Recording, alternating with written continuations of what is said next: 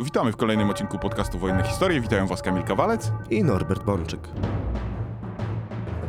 Co tydzień przybliżamy Wam szereg zagadnień oraz obalamy wiele mitów związanych z II wojną światową.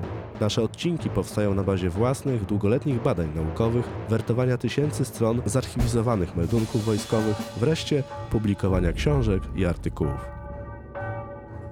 Ten podcast istnieje dzięki zaangażowaniu i niezwykłej hojności naszych patronek i patronów, za co im bardzo dziękujemy. Jeżeli ty też uważasz, że warto zostać naszym patronem, możesz wesprzeć nas wpłatą w serwisie Patronate pod adresem patronate.pl łamane na podcast Wojenne Historie. Norbert, dziś chciałbym z Tobą porozmawiać na temat, który zawsze budzi duże dyskusje wśród naszych słuchaczy. No i jest w związku z tym poniekąd przez nich wywołany. Mianowicie chodzi o to, czy Polska miała jakiekolwiek szanse uniknąć swojego losu podczas II wojny światowej. A dokładnie, czy mogliśmy uniknąć tego tragicznego dla nas starcia z hitlerowskimi Niemcami. No i w związku z tym, tu kluczowe wydaje mi się też pytanie, jak w ogóle Hitler widział nas, Polaków. Czy byliśmy dla niego w ogóle kiedykolwiek partnerem do rozmów, czy po prostu my, Polacy, byliśmy dla niego zawsze pod ludźmi, tak jak to później po podbiciu Polski często podkreślał, zresztą nie tylko on, ale jego współpracownicy.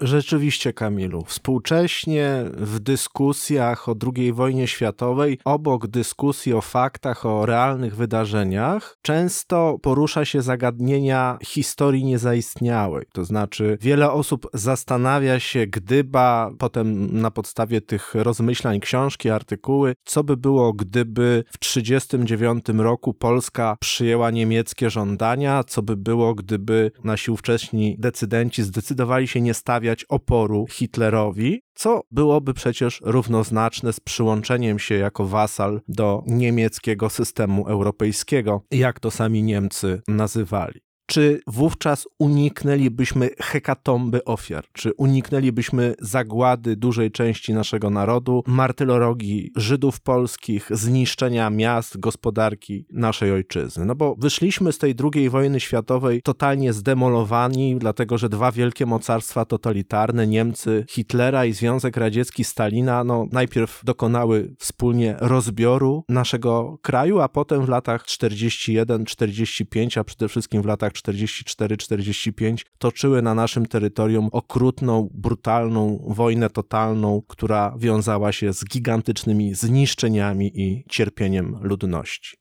Wiele lat później zaczęliśmy sobie w kolejnych pokoleniach zadawać pytania, czy postąpiliśmy słusznie, przeciwstawiając się hitlerowskiej nawale w roku 1939. Tylko bardzo szybko ta dyskusja z pytania, czy postąpiliśmy słusznie, zaczęła ewoluować w opinię, że Hitler proponował nam sojusz, że mogliśmy ten sojusz przyjąć, a koniec końców zaprowadziło nas to do opinii niektórych, że istniała możliwość wspólnego współdziałania Niemiec i Polski w pierwszym etapie II wojny światowej. Mówimy o współdziałaniu wymierzonym w państwa koalicji zachodniej i Związku Radzieckiego. Tutaj przypomnę może naszym słuchaczom, którym gdzieś to umknęło, że już troszkę na ten temat mówiliśmy w naszych dwóch odcinkach. Jeden poświęcony temu, czy w ogóle możliwy był sojusz Polski i Niemiec przed 1939 rokiem, a drugi odcinek o tym, czy nasze władze dostrzegały to zagrożenie ze strony hitlerowskich Niemiec. Ale dziś właśnie jeszcze wrócę do tego, od czego zacząłem ten odcinek, bo w tych wcześniej wymienionych przeze mnie odcinkach to pytanie właśnie nie padło, a wydaje mi się kluczowe w tej całej narracji. Jak widział nas Hitler zatem? Czy byliśmy dla Hitlera jakimkolwiek partnerem do rozmów? Nie ma jednej odpowiedzi na tak postawione pytanie, a nie ma dlatego, że Hitler postrzegał inne państwa, swoich potencjalnych wrogów, swoich potencjalnych wasali na kilku płaszczyznach jednocześnie. Używając nomenklatury wojskowej, Hitler inaczej mógł postrzegać jakieś państwo w wymiarze taktycznym, a więc doraźnym, w realizacji jakiegoś określonego, konkretnego zadania zamkniętego w czasie i przestrzeni, a inaczej postrzegał państwo, organizację, inny naród w kategoriach strategicznych. I o ile na poziomie taktycznym lawirował, zmieniał zdanie, był gotów do tworzenia najbardziej nietypowych koalicji, o tyle w wymiarze strategicznym Hitler pozostawał niezmienny. I na pytanie, jak Hitler widział Polskę, musimy przede wszystkim powiedzieć jedno. Hitler w wymiarze strategicznym Polski nie widział wcale. Ale co można myśleć? Czy w ogóle nie byliśmy dla niego państwem godnym uwagi? Tak, znaczy jak bardzo trafnie ujął to jeden z historyków, Polska w wymiarze strategicznym dla Hitlera nie istniała, ponieważ Polska była tylko i wyłącznie funkcją stosunków z Rosją. To znaczy Polska nie była podmiotem samym w sobie, tylko Hitler postrzegał Polskę zawsze przez pryzmat Rosji i relacji z Rosją bolszewicką. Innymi słowy, traktował nas całkowicie instrumentalnie i zakładał dwa podstawowe rozwiązania. Rozwiązanie pierwsze, że zwasalizuje, podporządkuje sobie Polskę i wykorzysta ją jako instrument przeciwko Rosji, bądź punkt drugi, dogada się z Rosją w zniszczeniu Polski. Kiedy analizujemy mowy Hitlera, rozkazy Hitlera, poglądy Hitlera, które on wyrażał między 1919 a 1939 rokiem, przez 20 lat, to zauważymy, że poglądy Hitlera na Polskę w wymiarze długofalowym są niezmienne przez te 20 lat, natomiast doraźnie ulegają częstym fluktuacjom, częstej krótkotrwałej przemianie. To jest koniunkturalne podejście. Na tym poziomie taktycznym Hitler zmienia zdanie, jest nie do końca zdecydowany, co chce robić, natomiast w wymiarze długofalowym jego pogląd jest niezmienny. Hitlera możemy zacząć czytać, dosłownie czytać w 1920, 21, 22 roku, kiedy on publikuje swoje teksty w gazecie Felkischer Beobachter, w tej rodzącej się nazistowskiej głównej gazecie. I on na początku, w 20-21 roku, kiedy kształtują się granice polsko-niemieckie, poświęca Polsce nieco więcej uwagi i jak łatwo się domyśleć, no jest to uwaga skrajnie dla Polski niekorzystna. To znaczy zabieramy Niemcom Pomorze, toczą się walki Freikorpsów o Śląsk, trzy powstania śląskie, tam granica ukształtuje się ostatecznie dopiero w roku 1922, czyli Hitler wchodzi w politykę niemiecką w momencie, kiedy trwa bezpośredni, krwawy zatarg polsko-niemiecki o granicę polską zachodnią i wschodnią niemiecką. I wtedy, w 21 roku, Hitler niezwykle agresywnie wypowiada się o Polsce. Mówi, że Polska to republika lumpów, mówi, że utrata Śląska oznacza początek końca Niemiec, że Polska zrodziła się z krwi niemieckiej, z niemieckiego nieszczęścia i z niemieckiej niesprawiedliwości. Ale czy w tych poglądach, które tutaj wyraża Hitler w tym momencie o naszym kraju, jest coś wyjątkowego, czy on wpisuje się całkowicie w tą narrację panującą wówczas w Republice Weimarskiej? W jakimś zakresie wpisuje się w tą narrację. Tak on nie jest w żaden sposób oryginalny, kiedy mówi o Polsce jako o zagrożeniu dla Niemczyzny, zagrożeniu dla państwa niemieckiego. Więc Hitler na początku lat dwudziestych poświęca Polsce nieco uwagi, ale to ma charakter koniunkturalny. Dlatego, że już wówczas w głowie Hitlera rodzą się wielkie idee w rozumieniu niewielkie, bo zacne, tylko wielkie swym rozmachem. Już wówczas Hitler bowiem formułuje ideę Lebensraumu, tej przestrzeni życiowej dla Niemiec na wschodzie i już wtedy na początku lat dwudziestych formułuje tezę, że Niemcy są zagrożone, tak on to mówi, przez Żydów, Polaków i Rosjan, przy czym Żydzi stanowią to wewnętrzne zagrożenie dla Niemiec, a Polacy i Rosjanie zewnętrzne. I już wówczas jest skrajnym rasistą, jest darwinistą społecznym, uważa narody wschodnie za podludzi, a ludności żydowskiej zgoła odbiera przymioty ludzkie. Więc już na początku lat dwudziestych Hitler się kształtuje jako turbonacjonalista, rasista, darwinista i to powoduje, że taki polityk w podprogowym postrzeganiu rzeczywistości zawsze będzie nas już postrzegał jako gorszych, jako zagrożenie, jako problem. Hitler po prostu podprogowo będzie postrzegał nas jako przeciwników, co oczywiście nie oznacza jeszcze, że jako sprytny, bo był sprytnym politykiem, jako sprytny polityk nie będzie próbował wykorzystać nas i naszych animozji z sąsiadami do własnych celów ale wkrótce Hitler jakby traci nieco z oczu Polskę, dlatego że Polska nie jest dla niego ważna. Ona może być przez niego, i on wykorzystuje to, on, ona może być wykorzystywana w polityce wewnętrznej, bo Hitler buduje partię nacjonalistyczną, rewizjonistyczną. Jakie państwo w Europie zabrało najwięcej ziem Rzeszy Niemieckiej w latach 1919-21? Polska. Więc jeżeli buduje Hitler partię i pogląd oparty na nacjonalizmie i rewizjonizmie, to buduje partię opartą na resentymentach wobec Polski, na wrogości wobec Polski. I kiedy obserwujemy kolejne kampanie wyborcze, czy to do parlamentu, Reichstagu, czy wybory prezydenckie, to aż do objęcia władzy przez Hitlera będziemy widzieć tą antypolską kartę w oficjalnej narracji Hitlera. Znaczy Hitler zawsze będzie krzyczał, że Polacy są źli, bo zabrali Niemcom Śląsk, Pomorze, że prześladują mniejszość, że są niegodni. Hitler jest sprytnym, cwanym politykiem. On wie, że po pierwsze musi dojść do władzy, głosząc hasła rewizjonistyczne i antypolskie. Więc na przykład w kwietniu 1932 roku przyjeżdża do Bytomia, blisko granicy z Polską i wygłasza krótkie, 20-minutowe, ale bardzo agresywne przemówienie. Wskazuje palcem w kierunku polskiej granicy i krzyczy: Ci tam po drugiej stronie granicy wiedzą, co ich czeka, kiedy zdobędziemy władzę. I Francuzi też to wiedzą. Innymi słowy, Hitler wygraża Francuzom, wygraża Polakom. Ale Hitler jest sprytny i jednocześnie kanałami dyplomatycznymi wysyła sygnały do państw, którym publicznie grozi, że nie należy postrzegać tego do końca poważnie. To znaczy, Hitler wie, że żeby zrealizować swój plan, on musi najpierw zdobyć władzę w Niemczech, potem tą władzę skonsolidować, ale potrzebuje siły zbrojnej. Niemcy muszą odbudować swoją potęgę militarną, aby móc realizować jego założenia strategiczne. I Hitler wie, że jeżeli będzie od razu, będąc słabym, ujawniał swoje plany strategiczne,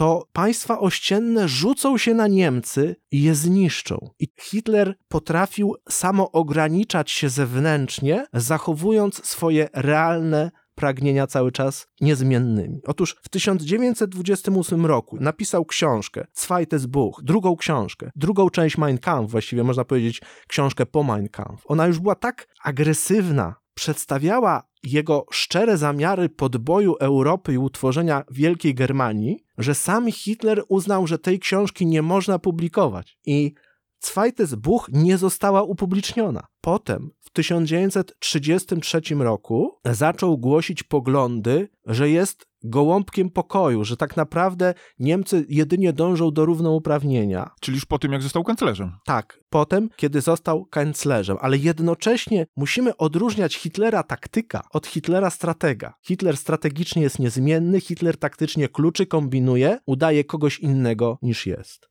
I jest rok 32. Hitler publicznie krzyczy, że się z Polakami i z Francuzami policzy. Tłum wiwatuje, bo ludzie są nastawieni w Niemczech zasadniczo antypolsko. Cała elita niemiecka, czy to armii, finansjery, polityki, ale też mnóstwo zwykłych ludzi nastawionych jest antypolsko. Ale Hitler wie, że jego radykalizm może sprowadzić zagrożenie na jego plan. I 30 stycznia 1933 roku Adolf Hitler zostaje kanclerzem Rzesz. Wtedy w 31 32 na początku 1933 roku, on wciąż publicznie deklaruje różne antypolskie tezy. Z tą najważniejszą tezą, że Polska musi oddać Pomorze. I w 1931 roku udzielił sławnego wywiadu brytyjskiej gazecie, gdzie mówił, że Polacy muszą oddać ziemię, które zabrali, co wywołało silny ferment. Na początku 1933 roku publicznie jeszcze mówi, że Polska ma zwrócić Pomorze, co skutkuje na przykład ostrym napięciem z Polską. W marcu 1933 roku my wzmacniamy garnizon na Westerplatte, żeby pokazać Niemcom, co ten Hitler gada, że my tutaj mamy siłę, Niemcy są jeszcze słabe. Piłsudski nawet rzuca, chociaż nieformalnie, takie hasło wojny prewencyjnej przeciwko Niemcom. Bo wszyscy i Francuzi i Polacy wiedzą, że Hitler doszedł do władzy, a to jest przecież Hitler, który no, nienawistnie mówił o tej Polsce. Hitler jest sprytny, rozumie, że czasowo musi tych Polaków jakoś udobruchać. Od połowy 1933 roku zaczyna się proces stabilizacji i ocieplania relacji z Polską. Dzisiaj często się przywołuje ten fakt jako dowód na dobrą wolę Hitlera. Tymczasem 3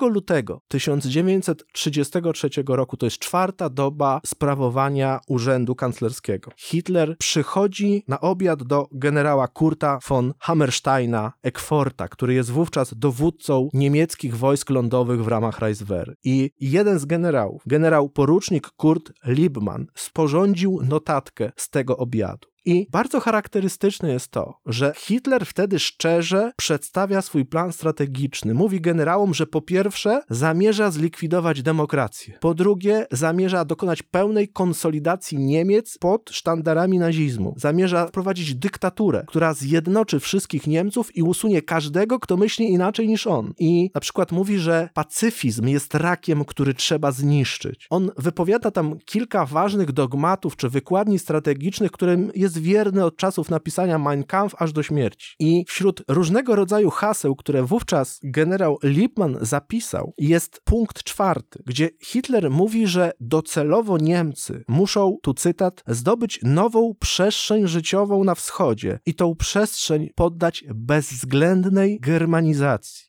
To są słowa z notatki generała Liebmana. Bezwzględna germanizacja przestrzeni życiowej na wschodzie. A wiemy, że Hitler nie zamierzał germanizować ludzi, tylko ziemię, a ludzi, którzy znajdowali się na tej ziemi przed Niemcami, po prostu eksterminować bądź wysiedlać. Czyli w roku 1933 Hitler przedstawia generałom niemieckim swój plan. Co ciekawe, zresztą generał Kurt von Hammerstein-Eckford jest antynazistą. On długo się na tym stanowisku dowódcy wojsk lądowych pod Hitlerem bynajmniej nie utrzymał. Potem zastąpił go baron von Fritsch, ale i on się nie utrzymał, bo w 1938 roku zastąpił go z kolei Brauchitsch. I rzecz bardzo charakterystyczna, Hitler w czasie tego obiadu mówi do generałów, że teraz zobaczymy, czy Francja ma jeszcze mężów stanu, to jej armia i armię jej satelitów, dosłownie Osttrabanten. Hitler używa takiego określenia. Wschodni satelici, nie sojusznicy, ale satelici Francji, przyjdą do Niemiec i zniszczą jego plany. I Hitler mówi, potrzebujemy 4-5 lat spokoju, żeby stworzyć armię, która zapewni realizację naszych planów. I w tej narracji o potencjalnym sojuszu czy dobrych relacjach polsko-niemieckich często umyka nam ta notatka generała Kurta Liebmana, która przecież istnieje, jest do przeczytania w wielu publikacjach naukowych. Ona jest fundamentem zrozumienia wykładni strategicznej Hitlera, bo to jest dokładnie to samo, co on pięć lat wcześniej napisał w drugiej książce i to jest dokładnie to samo, co cztery lata przed drugą książką napisał Mein Kampf. I to jest poniekąd to samo, co na początku lat dwudziestych publikował w gazetach nazistowskich. Czyli widzimy, że Hitler tak czy inaczej jest wierny pewnej wykładni strategicznej, budowy nowej przestrzeni życiowej dla Niemców na wschodzie. I potem, w 1938 roku, kiedy już osiągnął tą swoją siłę, to ta maska opadła. Hitler w listopadzie 1938 roku zgromadził większość kluczowych dziennikarzy Rzeszy i powiedział im wprost: Okoliczności zmusiły mnie do mówienia przez całe lata wyłącznie o pokoju, ale teraz to już jest zdarta płyta i trzeba zacząć mówić inaczej. To jest dokładnie to samo, co nieco wcześniej, a właściwie rok wcześniej, 5 listopada 1937 roku na tajnej naradzie też z generałami, mówi do nich, tam jest sławna notatka pułkownika Hosbacha, że odtworzyliśmy potencjał bojowy, idziemy na wojnę. Już w roku 1938 zaatakujemy Czechosłowację i Austrię, a Polska nic nie zrobi, Hitler mówi w czasie tej narady, jeżeli szybko powalimy Czechów i Austriaków. Wówczas Polska, mając Rosjan na swoich plecach, raczej się nie ruszy. Czyli widzimy, że dla Hitlera sąsiedzi to przeciwnicy, których trzeba pokonać w skomplikowanej roszadzie, eliminować po kolei w ramach walki, uniemożliwić im to, żeby oni wspólnie uderzyli na Niemcy. Trzeba ich ubiec, trzeba ich oszukać, bo kiedy prześledzimy niezliczone mowy Hitlera, liczne jego tezy, to zauważymy, że Hitler jak mantrę przez lata powtarzał, że Niemcy żyją pod presją tak zwanej polityki okrążenia. Francja, Czechosłowacja, Polska to są państwa, które okrążyły Niemcy i że Niemcy muszą wyeliminować po kolei wszystkich przeciwników w ramach planu budowy wielkich Niemiec. I jednocześnie Hitler żyje cały czas wizją powrotu do domu, jak on to mówi, ludności Wielkiej Rzeszy Niemieckiej. Czyli Niemcy w Danii, Niemcy w Belgii, Niemcy w Alzacji, Lotaryngii, w Austrii, w Sudetach, w Polsce, w krajach bałtyckich. Oni wszyscy mają w jego wizji powrócić do macierzy. Czyli tej strategicznym postrzeganiu rzeczywistości przez Hitlera nie ma miejsca na podmiotową Polskę. Ona z automatu jest skazana na zagładę tak czy inaczej, prędzej czy później. A jak w takim razie w tej narracji ma się to, co nastąpiło w 1934 roku, czyli ta stopniowa poprawa stosunków polsko-niemieckich. 26 stycznia 1934 roku podpisaliśmy z Niemcami tak zwaną deklarację o niestosowaniu przemocy. Czyli nastąpiło odprężenie w relacjach polsko-niemieckich, które w okresie Republiki Weimarskiej były skrajnie złe. My nie utrzymywaliśmy relacji dyplomatycznych na najwyższym poziomie z Niemcami. Niemcy gnębiły nas wojną celną. I dopiero kiedy Hitler objął władzę, to powściągnął nieco ten skrajny antypolski nacjonalizm niemiecki. Wielu polskich polityków mówiło, Hitler jest Austriakiem. On dąży w kierunku Bałkanów, on myśli innymi kategoriami, to nie jest Prusak. Że Prusak to jest, myśleliśmy, skrajny antypolak, ale austriacki Niemiec myśli w innych kategoriach. Czyli próbowaliśmy racjonalizować Hitlera w kategoriach takich, że on, skoro jest austriackim Niemcem, to on bardziej będzie myślał o Węgrach, a może gdzieś o Włochach, a niekoniecznie o Polsce. Dla naszych patronów oczywiście to stwierdzenie nie będzie żadnym zaskoczeniem, no oni to świetnie wiedzą z tego odcinka, który nagraliśmy dla nich dotyczącego tego, w jaki sposób Hitler oszukał całą Europę, nie tylko nas, Polaków. No ale jako, że nie wszyscy są naszymi patronami, więc może tutaj też zadam to pytanie tego odcinka dla patronów. Czy to zatem nie był tylko nasz błąd, że my, Polacy, racjonalizowaliśmy Hitlera, że no nie dąży do wojny? No właśnie, na szczęście i nieszczęście, bo to niewiele dało, mm, niektórzy prawidłowo oceniali Hitlera. I często dzisiaj w Polsce umyka nam sens deklaracji o niestosowaniu przemocy z 26 stycznia 1934 roku. Umyka nam sens, dlaczego Niemcy ją podpisały i umyka nam sens, dlaczego Polacy ją podpisali co kierowało Hitlerem i co kierowało Piłsudskim. Hitlerem kierował koniunkturalizm. On musiał ocieplić relacje z Polską, aby ten wschodni trabant, wschodni satelita Francji został wyjęty z francuskiego systemu sojuszy, żeby rozwodnić potęgę Francji, żeby zmniejszyć okrążenie Niemiec. A więc z punktu widzenia Hitlera ta umowa miała czysto koniunkturalny charakter w wymiarze strategicznym, chociaż Hitler podpisując ją przez swoich przedstawicieli jeszcze nie wiedział, co do końca z tą Polską zrobić w tym sensie, czy ją atakować, czy ją zniewolić i rozebrać po kawałku. Tu Hitler nie miał jasno sprecyzowanego planu krótkoterminowego, natomiast miał jasno sprecyzowany plan długoterminowy. I wiemy to, dlatego że Hitler wielokrotnie w ten czy w inny sposób o tym mówił. I myśmy to już tak naprawdę wiedzieli przed wojną. Otóż w narracji o Hitlerze bardzo ciekawymi pozycjami książkowymi są dwie książki Hermana Rauschinga nazisty z przełomu lat 20. i 30.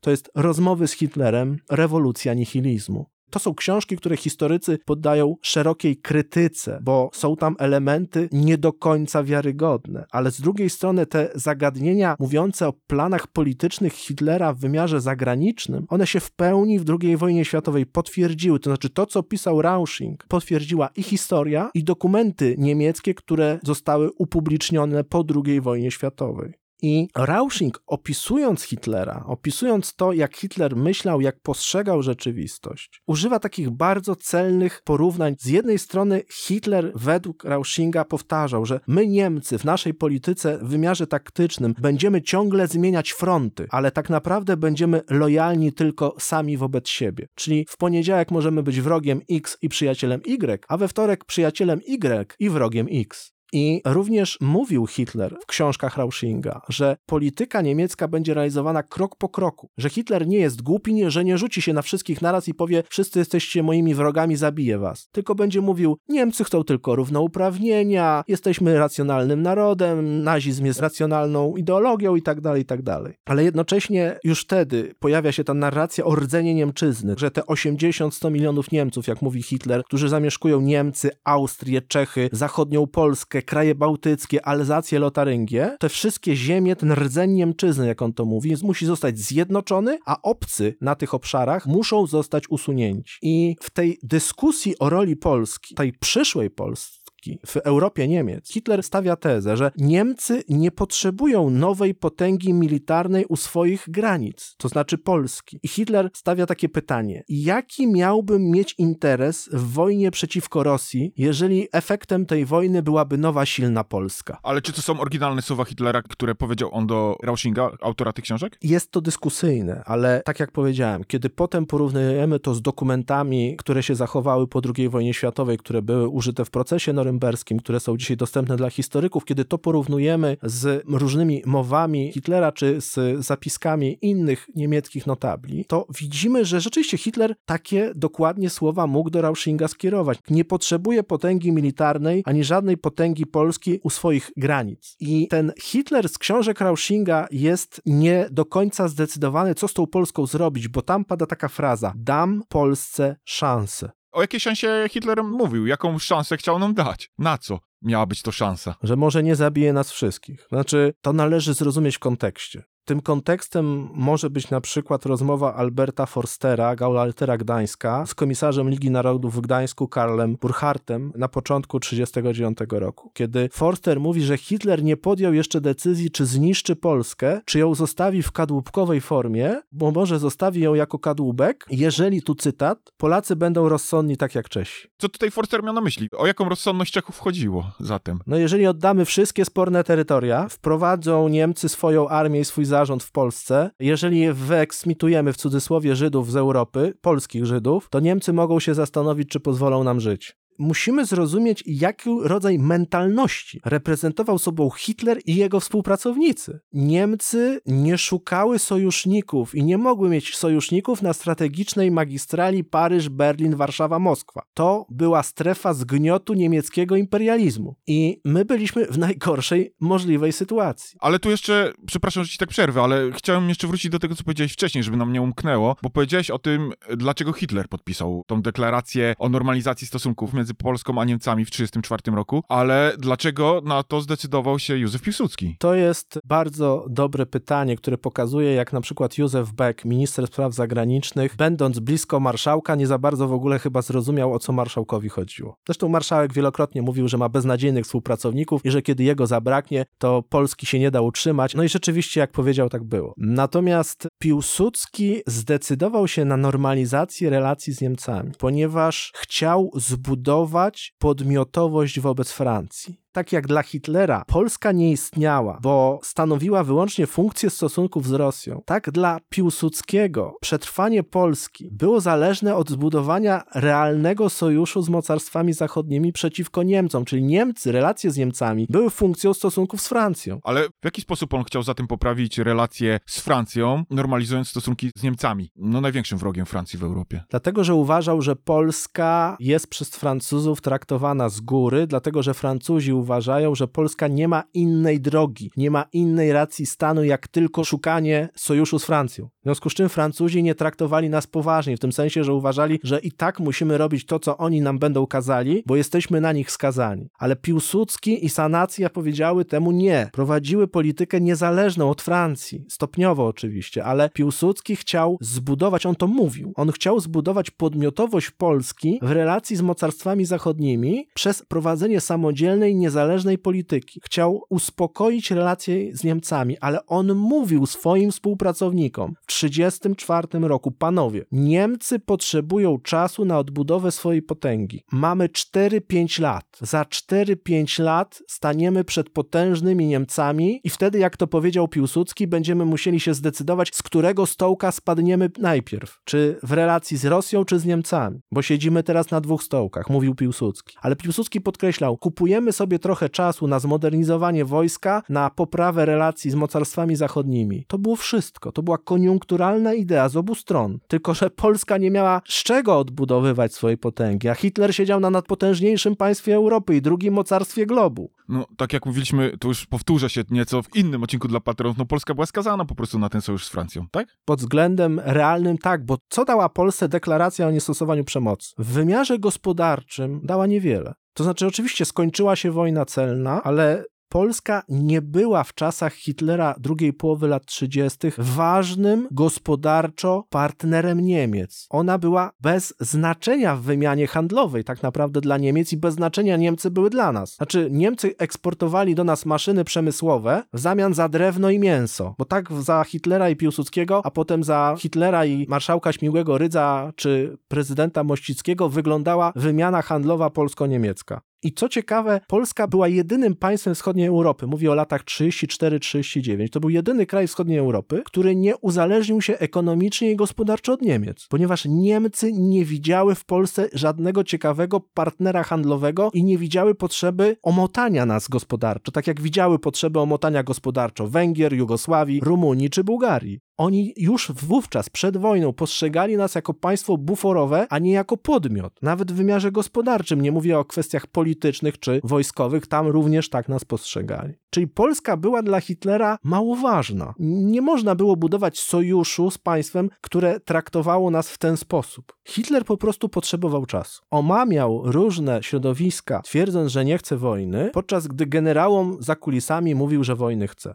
5 listopada 1937 roku. To jest ta sławna konferencja, o której wspomniałem, o której notatki sporządził pułkownik Hosbach. Tego samego dnia Niemcy i Polska zawarły umowę o dobrych relacjach w zakresie mniejszości. Ktoś może powiedzieć, no czyż nie ma lepszego dowodu na to, że Hitler chciał dobrych relacji z Polską, skoro i pakt o nieagresji podpisał i unormowanie relacji mniejszości? No przecież ten Hitler, który tak krzyczy, że mniejszości niemieckie muszą wrócić do Rzeszy, a tutaj podpisuje papier z Polakami. Mało tego, zaraz potem w styczniu 1938 roku i w marcu 1938 roku spotyka się z polskimi dyplomatami i mówi im, że Gdańsk nie jest sprawą zapalną, że my nie mamy jako Rzesza specjalnie żadnych oczekiwań wobec Gdańska. A w tym samym czasie Hitler za zamkniętymi drzwiami zwołuje generałów, mówi, że będzie wojna, komu się nie podoba, ten straci stanowisko, bo stracili ci, którzy mówili, że nie. A potem jest już Anschluss Austrii, potem jest lato 1938 roku, jest konfrontacja niedoszła z Czechosłowacją i my jesteśmy następni na liście. Nie ma czegoś takiego jak planowanie jakiegokolwiek jakiegokolwiek sojuszu polsko-niemieckiego, bo my po prostu jesteśmy na liście. To doskonale widać. Czy zatem na przykład od roku 38, od Anschlussu Austrii, od zajęcia Czechosłowacji możemy mówić o jakimś realnym myśleniu ze strony Niemiec, jak to wcześniej powiedziałeś, o daniu nam szansy, o jakimś sojuszu z Niemiec z Polską? Czy ze strony Niemiec w ogóle była cały czas ta opcja dania nam szansy? Tak, to są słowa Hitlera. Polsce dam szansę, tak jak dam szansę Czechom, może ich nie zabiję, może zlikwiduję ludność żydowską, może zabiorę ich fabryki, może zmienię ich granice, ale dam im szansę. Tylko, że nawet Czesi znajdują się poza strefą zgniotu magistrali strategicznej Paryż, Berlin, Warszawa, Moskwa. Ale odpowiadając na twoje pytanie, Hitler w 37, w 38 roku zastanawiał się, co zrobić z Polską. Postrzegał ją wciąż jako Ostrabanta, że użyję tego niemieckiego określenia, Francji ale bardzo chytrą grą wyjął Polskę z tej sieci sojuszy francuskich częściowo, bo my byliśmy cały czas francuskim sojusznikiem. To się zachwiało dopiero po Monachium, ale Hitler zastanawiał się, jak wykorzystać kartę polską. I z jednej strony był całkowicie zafascynowany, owładnięty myślą budowy przestrzeni życiowej na wschodzie, a z drugiej strony na poziomie takim taktycznym, na przykład w jakimś zakresie szanował Piłsudskiego. A co budziło taki no, respekt, szacunek ze strony Hitlera w stosunku do Piłsudskiego? Właśnie często się powtarza, że Hitler szanował Piłsudskiego, bo Piłsudski był znanym antybolszewikiem, który pobił bolszewików w wojnie w 1920 roku.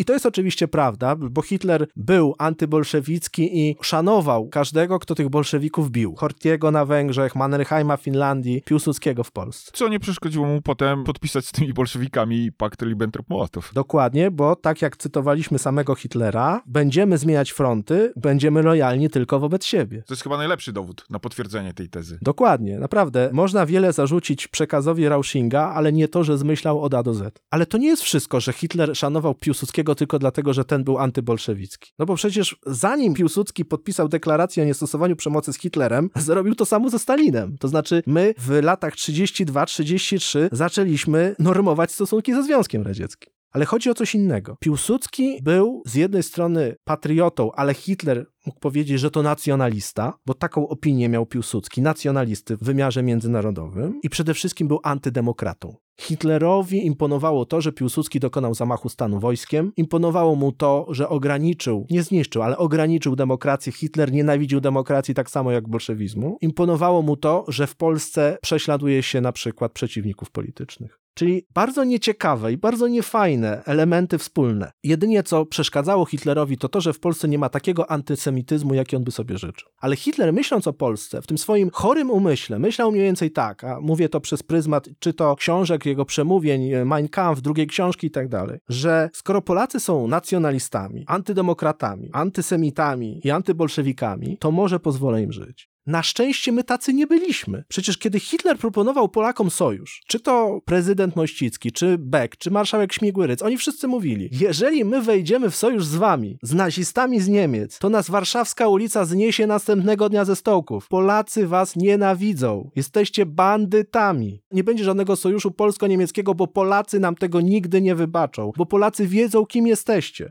W latach 37, 38, 39, w czasach tak zwanej poprawy relacji wzajemnych, polska ulica w Gdańsku, w Warszawie, Poznaniu, w Lwowie, nie mówiąc już o Katowicach, nienawidziła ulicy Niemieckiej. My wiedzieliśmy, czym jest nazizm i był opór polskiego społeczeństwa wobec tego. W październiku 1938 roku minister spraw zagranicznych Rzeszy Ribbentrop zaproponował Lipskiemu szereg warunków tak zwanej współpracy. Między innymi chodziło o to, żeby Gdańsk powrócił do Rzeszy, żeby zbudować eksterytorialną autostradę, żeby Polska zawarła pakt antykominternowski, żeby wprowadzić tak zwaną klauzulę wzajemnych konsultacji relacji międzynarodowych, czyli żeby Warszawa wykonywała polecenia Berlina. No i żeby Polacy zastanowili się, jak wysiedlić wszystkich Żydów z Polski. To była taka wspaniałomyślna propozycja Adolfa Hitlera dla nas w 1938 roku. No i Lipski jeszcze w październiku, w tym samym miesiącu, musiał grzecznie odpowiedzieć, że nie możemy wejść w sojusz, bo nasze społeczeństwo nie zaakceptuje czegoś takiego. Z bandytami z Niemiec sojuszu być nie może. No to w takim razie, jak wyglądał ten ostatni akt dramatu, że tak powiem? Czyli jak tak naprawdę mają się do rzeczywistości te wszystkie tezy, które mówią, że Hitler napadł na nas, bo dostaliśmy gwarancję ze strony Wielkiej Brytanii, albo że właśnie Hitler zaproponował nam taki faktyczny, realny sojusz. Jak to wyglądało na tej ostatniej prostej do zderzenia między nami a Niemcami? No Hitler jesienią 1938 roku myślał, jak dać Polsce szansę. To znaczy, jak wprząc Polskę w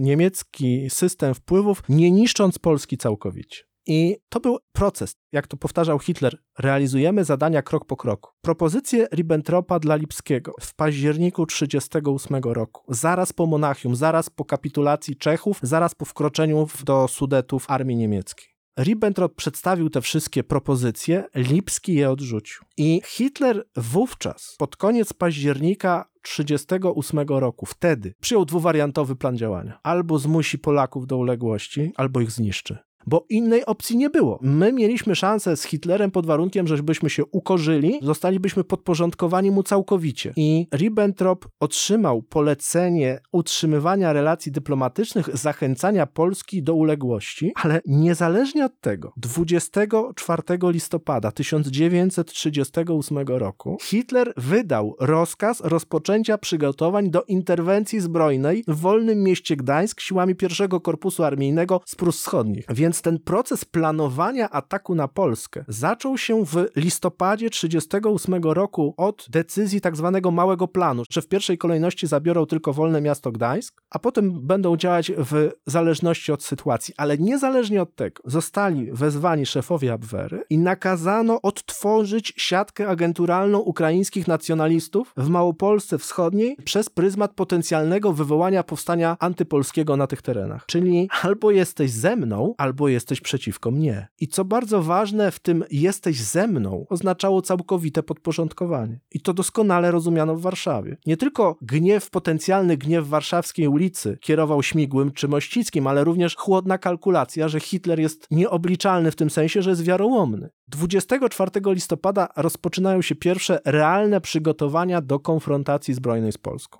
I już wówczas Hitler jest zdecydowany, że albo Polacy się podporządkują, albo zostaną zniszczeni. I postawa Wielkiej Brytanii nie ma tu nic do rzeczy. Na samym początku 1939 roku Hitler mówi to przedstawicielom Ministerstwa Spraw Zagranicznych, przedstawicielom Wolnego Miasta Gdańska, że nie ma półśrodków, że albo Polska się podporządkuje, albo zostanie zniszczona. I że Hitler ma wciąż nadzieję, że Polacy się podporządkują. To to podporządkowanie tak naprawdę oznaczać będzie koniec końców odebranie nam Pomorza, Wielkopolski, Śląska, wysiedlenie Żydów polskich, podporządkowanie polskiej administracji Wehrmachtowi w ramach spodziewanego w trzecim etapie rozwoju ataku na ZSRR. Ale co tak realnie Niemcy w takim razie mieli nam do zaproponowania w ramach tego, nazwijmy to w cudzysłowie, sojuszu? Że nasze wojsko zginie na wschodzie, a być może dostaniemy Mikołajów, może Odessę jako porty, no bo przecież jak powiedział Ribbentrop w Warszawie, skoro tak bardzo wy Polacy jesteście przywiązani do morza, to Morze Czarne to też jest morze. Ale o Gdyni, Gdańsku i Pomorzu to lepiej zapomnijcie. Hitler proponował nam, że da nam to, czego nie ma, a zabierze nam to, co mamy.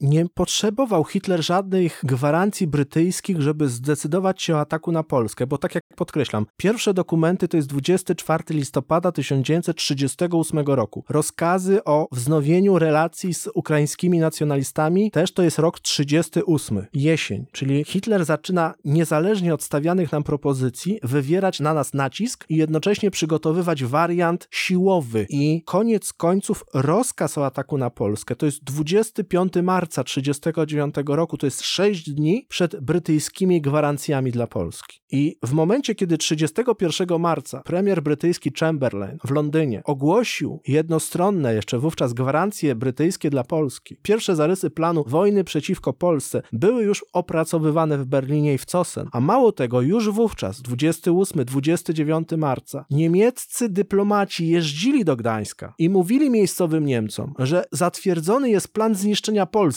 jeżeli ona się nie ugnie, bo to nie będzie wojna o Gdańsk czy Pomorze, tylko to będzie być albo nie być dla całej naszej ojczyzny. Więc to jest nieprawda, że zostaliśmy wepchnięci w tą wojnę przez wiarołomny Zachód, tylko Hitler po prostu był tyranem, który krok po kroku zamierzał eliminować bądź podporządkowywać sobie określone państwa. W takim razie, jak do rzeczywistości ma się ten taki fundamentalny argument mówiący o tym, że mogliśmy zostać tym wasalem Hitlera, jego gorszym sojusznikiem, może tak, ale to uchroniłoby nasz naród przed tą gigantyczną daniną krwi, którą daliśmy w II wojnie światowej? Czy takie myślenie ma jakieś realne podstawy? No, może odpowiadając na to pytanie, zacznę od tego, że to historia, która się nie wydarzyła, więc raczej historyk nie powinien dywagować na takie tematy, ale jeżeli już mamy rozmawiać o tym, co nie zaistniało, to postrzegajmy to w realnym, rzeczywiście zaistniałym kontekście. Otóż Polska to nie Czechy, Polska to nie Rumunia, Polska to nie Węgry, nie Bułgaria, nie Jugosławia, nie Finlandia. Dla Hitlera istniała strategiczna magistrala Paryż, Berlin, Warszawa, Moskwa. Musiał być panem tej magistrali, aby osiągnąć swój cel w postaci zbudowania dla Niemiec nowej wielkiej przestrzeni życiowej w Europie. Wszystkie państwa, które się sprzymierzyły z Hitlerem w II wojnie światowej, znajdowały się poza tą strategiczną magistralą z wyjątkiem ZSRR w latach 39-41, na które to ZSRR oczywiście Hitler napadł ale już przed wojną Niemcy zamierzały podbić na przykład Bałkany wyłącznie ekonomicznie. Nie zamierzały niszczyć Rumunii, Węgier, Bułgarii, nawet Jugosławii, nie chciały ich napadać. Hitler chciał te wszystkie państwa obezwładnić ekonomicznie i zaczął to robić już przed wojną. Jest wyraźna, widoczna różnica w relacjach gospodarczych, ekonomicznych między Polską a Niemcami lat 30., a między Niemcami a poszczególnymi państwami bałkańskimi. Otóż Hitler dla przykładu już w roku 38 rozpoczął niezwykle niezwykle agresywny nacisk ekonomiczny, polityczny i dyplomatyczny na Rumunię. Także Rumuni byli przekonani, że za chwilę Niemcy przez Węgry napadną na nich. Hitler szantażem zmusił Rumunów do przejęcia czy też zawładnięcia ich systemem pól roponośnych, ich rafineriami w rejonie Ploeszty. I to się działo już na przełomie 38 i 39 roku ten nacisk ekonomiczny nie był wywierany na Polskę. I Rumunia, Bułgaria, Węgry, tak czy inaczej, ostatecznie weszły w orbitę wpływów niemieckich, ale nie znajdowały się na tym zasadniczym kierunku strategicznym Hitlera, i tam możliwe było przetrwanie tych państw w tym okresie przejściowym, a przecież tak czy inaczej, Rumunia, najważniejszy sojusznik Hitlera. Hitler doprowadził tam pośrednio do zamachu stanu, do zdobycia władzy przez turbonacjonalistów, dokonał rozbioru tego państwa. Na Węgrzech koniec końców również dokonał przewrotu na rzecz turbonacjonalistów nacjonalistów i okupował to państwo, tak jak i pośrednio armia niemiecka przecież zajmowała Rumunię. W Bułgarii doprowadził do otrucia cara. Jugosławia, która mu się sprzeciwiła w wyniku zamachu stanu, została zaatakowana i zniszczona. Czyli zrozummy, jak Hitler traktował swoich sojuszników. Mieli prawo żyć, jeżeli byli mu przydatni. Polska znajdowała się w sytuacji beznadziejnej, bo była oknem wyjściowym na Rosję. Znaczy, my musieliśmy w koniec końców zostać zgermanizowani w idei Hitlera, a przecież Hitler nie germanizował narodów. Wielokrotnie podkreślał, że nie można zgermanizować Polaków, że należy ich wygnać i że nie leży w interesie Niemiec budowa silnej Polski. I że wszystkie ziemie odebrane Niemcom po I wojnie światowej i wszystkie ziemie, na których mieszkają Niemcy, muszą zostać zjednoczone w ramach Rzeszy. Czyli nasze i hitlerowskie, niemieckie oczekiwania strategiczne były nie do pogodzenia. I Hitler to wiedział. Dlatego on w ustach Rauschinga wypowiada te słowa, że jeżeli zachowamy się jak Czesi, to może jako kadłubkowy kraj przetrwamy. Trudno tu mówić o jakimkolwiek sojuszu, trudno tu też mówić o szansie na przetrwanie. Natomiast gdybyśmy się zdecydowali na ten sojusz z Hitlerem, nie wiadomo, jak potoczyłaby się historia. Wiele osób podkreśla, że wtedy byłoby bliżej do Moskwy, że armia polska zasiliłaby potencjał Wehrmachtu. Tylko czy rzeczywiście chcielibyśmy być w systemie sojuszy z państwem niemieckim, takim jakim ono wówczas było, ludobójczymi Niemcami czasów Hitlera? Nasza ulica, nasze społeczeństwo absolutnie było temu wówczas przeciwne. I bylibyśmy jednocześnie sojusznikiem państwa, przeciwko któremu broń obróciłyby największe mocarstwa świata ze Stanami Zjednoczonymi na czele, więc z góry bylibyśmy skazani w tej koalicji na klęskę, a naszym wrogiem byłaby Armia Czerwona i Związek Radziecki Józefa Stalina. Wiemy, jak Józef Stalin potraktował nas jako formalnego sojusznika w 1944 czy w 1945 roku. Pomyślmy, jakby nas potraktował jako wroga, a pokazał to w 1939 czy w 1940 roku. Trudno więc snuć teorię, co by było gdyby. Historykowi to mimo wszystko nie przystoi. I uciekając od takich teorii, spójrzmy na realny, prawdziwy, historyczny kontekst wydarzeń, które się wówczas działy. Jedynym spoiwem, jedynym punktem wspólnym Hitlera i Polaków był antybolszewizm, a obok tego były dziesiątki punktów rozbieżnych. I my dla Hitlera tak naprawdę byliśmy przeszkodą, byliśmy problemem, byliśmy w jego rasistowskim mniemaniu pod ludźmi, którym on ewentualnie mógłby dać szansę przy naszym całkowitym podporządkowaniu i utracie podmiotowości. Tylko co to za szansa? Pójść na z góry przegraną wojnę przeciwko ZSRR to nie była żadna alternatywa dla naszych decydentów w roku 1939, bo oni z góry założyli, że tak czy inaczej Hitler wojnę światową przegra i podjęli określone decyzje, a dzisiaj z perspektywy wielu dekad możemy powiedzieć, że nie wiemy, jak potoczyłaby się historia, gdyby podjęli inne decyzje. Nie wiemy, czy Hitler w pewnym momencie po wprowadzeniu Wehrmachtu do Polski, po odebraniu nam ziem zachodnich, po rozpoczęciu prześladowania ludności żydowskiej, gdyby na przykład nasze kierownictwo państwa sprzeciwiło się temu, to czy na przykład Wehrmacht nie dokonałby okupacji Polski, nie obaliłby polskich władz? Pamiętajmy, że już w październiku 1938 roku Hitler zaproponował Polsce, aby pozbyła się polskich Żydów i w październiku i w listopadzie 1938 roku nie dość, że wydał rozkaz o przygotowaniach do ataku na Gdańsk, nie dość, że uaktywnił ukraińskich nacjonalistów poprzez współpracę z Abwerą, to jeszcze zaczął prześladować polskich obywateli żydowskiego pochodzenia na terenie Rzeszy i wygnał ich 17 tysięcy do nas. Hitler był nieprzewidywalnym szaleńcem. Z takim człowiekiem układać się po prostu nie było można. Nie mam nic więcej do dodania jako puenty w tym odcinku. Po raz kolejny m- mogę powiedzieć tylko bardzo dziękuję i do usłyszenia. Dziękuję bardzo. Dziękujemy, że byłeś z nami do końca tego odcinka. Odwiedź nas na Facebooku, Instagramie, Twitterze lub TikToku. Wszędzie tam znajdziesz nas wpisując podcast Wojenne Historie. Do usłyszenia.